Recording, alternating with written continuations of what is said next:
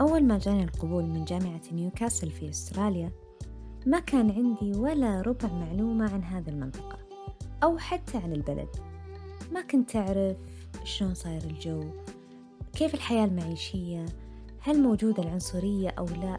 حرفيا المعلومة الوحيدة اللي كانت عندي بذاك الوقت إن عملتهم دولار أسترالي وإنهم في آخر الدنيا قاعدين لحالهم ولا حد درى عنهم فعرفت وقتها إني لازم ألقى مكان يعطيني أجوبة للمليون سؤال اللي ببالي. مكان أكون فيه مو لوحدي. وبالفعل عرفت هالمكان وين. السلام عليكم جميعا ويا هلا فيكم في حلقة جديدة من بودكاست للمبتعثين حكاية. معكم فاطمة مرزوق طالبة دكتوراه تمريض مبتعثة في مدينة نيوكاسل بأستراليا. بداية أعتذر لكم على تأخري في طرح الحلقة بسبب انشغالي بالدراسة. وأشكركم من كل قلبي على متابعتكم وسؤالكم الدائم. والحين البسوا السماعات وارفعوا الصوت وعيشوا معانا الرحلة. أول خطوة حقيقية في رحلة الابتعاث هي حصولك على قبول نهائي من أي جامعة في أي بلد كان. بعدها تبدأ مرحلة المليون سؤال اللي ممكن يجي في بالك. يمكن بعضكم يكون مجمع معلومات عن البلد حتى قبل لا يجيه قبول. وهالشي حلو وراح يوفر عليكم وقت. لكن يمكن يكون وضعكم مثلي. يعني أنا كنت مجمعة معلومات كثيرة عن بريطانيا وأمريكا وكانت النية أني أروح أدرس في واحدة من الثنتين. ومن جد أستراليا ما كانت حتى من ضمن خياراتي.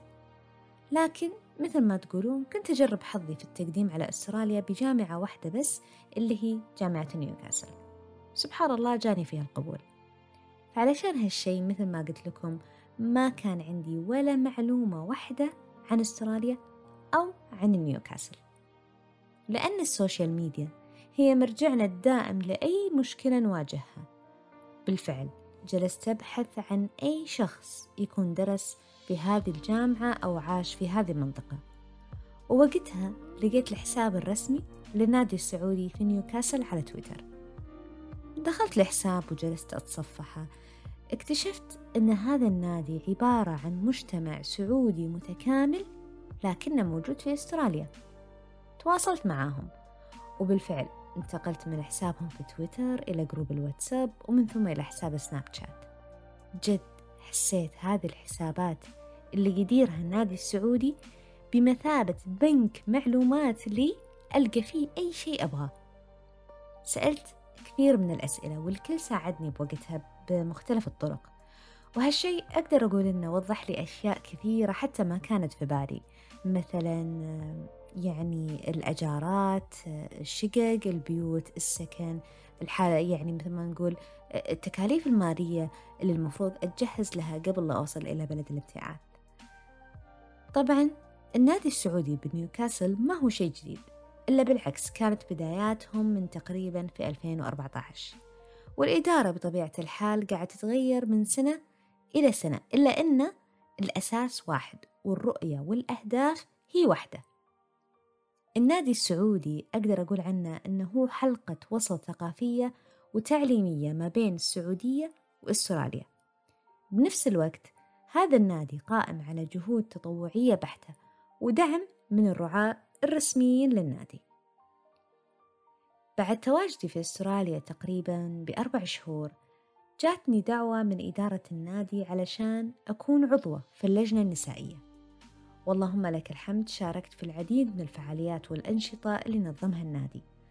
منها فيديو حبينا نطمنكم إدارة حوار برنامج التاسعة من نيوكاسل في شهر رمضان والمشاركة في تنظيم حفل التخرج لهذه السنة وغيرها من الأنشطة الثانية.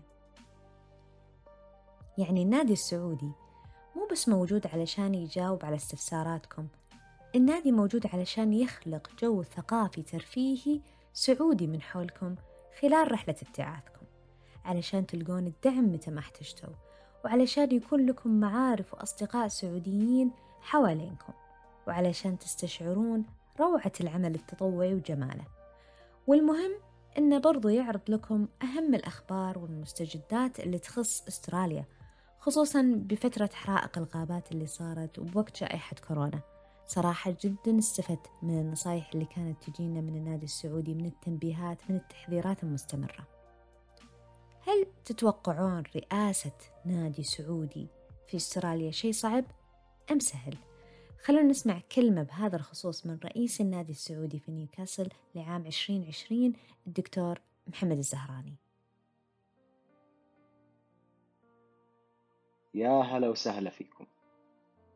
معكم أخوكم محمد سعيد الزهراني طالب دكتوراه في جامعة نيوكاسل في تخصص التسويق ورئيس النادي السعودي في مدينة نيوكاسل لعام 2020 في البداية أشكر الأخت فاطمة المرزوق لاستضافتها وإتاحة الفرصة لنا لتخصيص هذه الحلقة للنقاش عن نادي نيوكاسل لعام 2020 صعوبات وتحديات.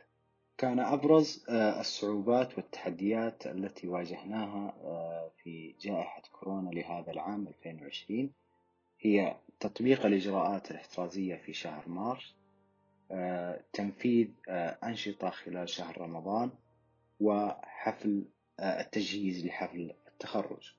ولكن بجهود فريق العمل الذي لن يتكرر تم التنسيق مع الفريق باجتماع طارئ وذلك آه، قبل رمضان ب 15 يوم آه، على وضع خطة جديدة آه، وكانت إحدى مخرجات هذا الاجتماع الاتفاق على تدشين سلسلة لقاءات التاسعة من نيوكاسل التي من خلالها تمت استضافة بعض من الشخصيات المعروفة في الوطن العربي وكان لها وقع ملموس بين أهالي نيوكاسل.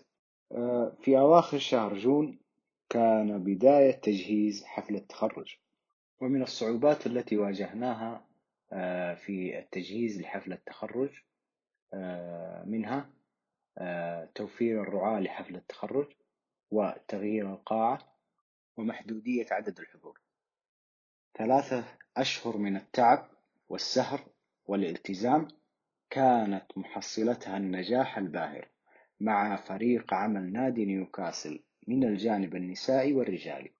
أخيرا رسائل شكر أود أن أقدمها نيابة عن فريق عمل نادي نيوكاسل لعام 2020 أولها شكرا بحجم السماء. لأهلنا وإخواننا المبتعثين والمبتعثات والمرافقين والمرافقات في مدينة نيوكاسل على كلماتكم وتشجيعكم التي كانت شعلة حماسنا. ومصدر نجاحنا كما أتقدم بالشكر للرعاة وعلى رأسهم كيدي كنتم مصدر دعمنا في هذا الوقت العصيب. وآن الأوان أن نقول لكم شكرا على ما قدمتم. أخيرا الحمد لله على نعمة التمام والكمال. تجربة كانت جميلة في مجال الخدمة التطوعية. وأسأل الله التوفيق والسداد للجميع.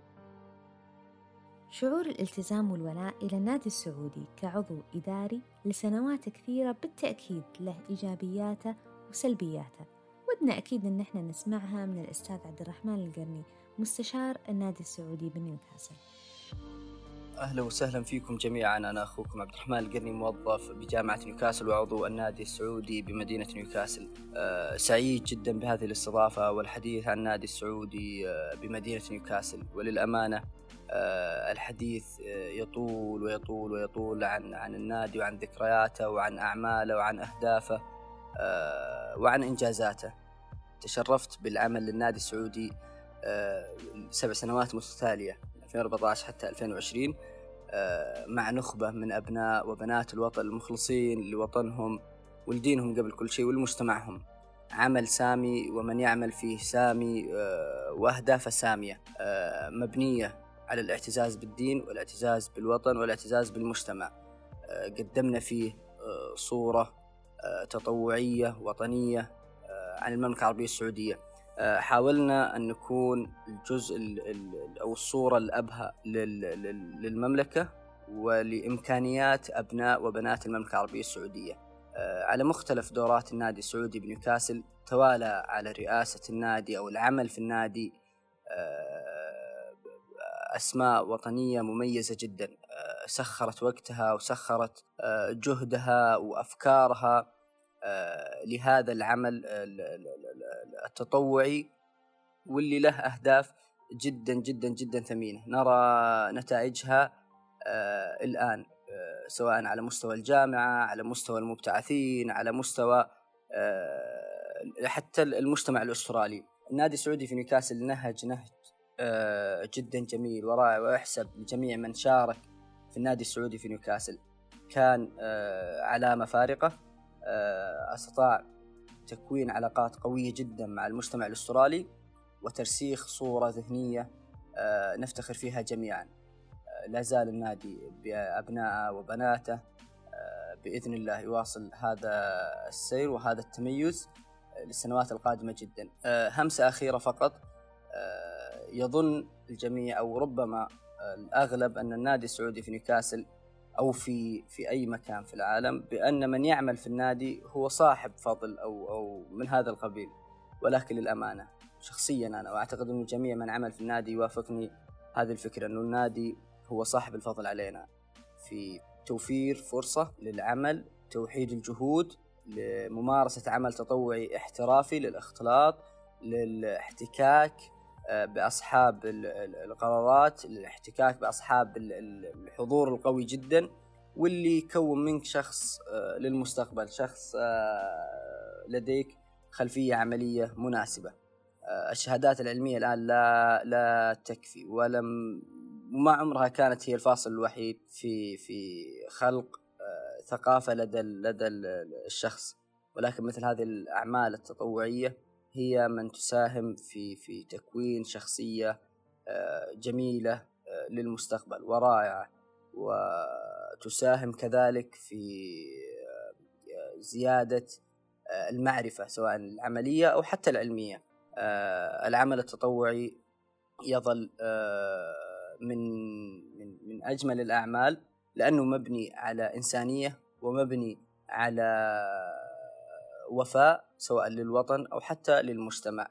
آه، العمل للنادي السعودي بنيوكاسل من أجمل مراحل العمر للأمانة لي أنا شخصيا وأعتقد إنه لو أعيد الزمان مرة أخرى واظلني جالس في نيوكاسل لمدة سبع سنوات ثانية راح يكون أول القرار الأول لي هو المشاركة في النادي السعودي في نيوكاسل. آه، شكرا لك فاطمة ولجميع فريق العمل آه، ولجميع الأشخاص اللي عملوا في النادي السعودي في نيوكاسل كانوا الأمانة أوفياء لوطنهم مجتمعهم آه، نعتز فيهم جميعا آه، وأعتقد انه الجميع على ثقة بأن من عمل في النادي السعودي في نيوكاسل هو يخدم الوطن ويخدم المجتمع ويخدم آه، الإنسانية كذلك. بإذن الله نرى نادي السعودي في نيوكاسل ومختلف أندية الطلبة السعوديين على مستوى أستراليا دائما في مصاف الأندية سواء على مستوى الجامعة أو حتى على مستوى الدولة. شكرا أكرر شكري وتقديري لك فاطمة ولجميع فريق عملك. أنا سعيد جدا بهذه اللحظة وللامانه الحديث عن نادي نيوكاسل وعن تطوراته من سبع سنوات حتى الآن وعن فريق عمله أعتقد إنه نحتاج لأيام وأسابيع. ولكن خير الكلام ما قل ودل. وأتمنى أتمنى أتمنى من الجميع المشاركة آه، في النادي السعودي في نيوكاسل أو في مختلف المنظمات والمبادرات التطوعية الوطنية واللي تعود بالنفع والفائدة على وطننا وعلى مجتمعنا. كل الشكر لكم. في الختام أشكر ضيوفنا على تواجدهم الجميل معنا في هذه الحلقة. النوادي السعودية حاليا منتشرة في أغلب مدن دول الابتعاث. وجودهم ملهم ومهم وأنصح كل المبتعثين الجدد أنهم يتواصلون مع النادي السعودي اللي موجود في بلد ابتعاثهم قبل الوصول لها. ووقتها راح تعرفون أنكم لستم لوحدكم هنا. نلتقي إن شاء الله في الحلقة الجاية من بودكاست للمبتعثين حكاية. السلام عليكم.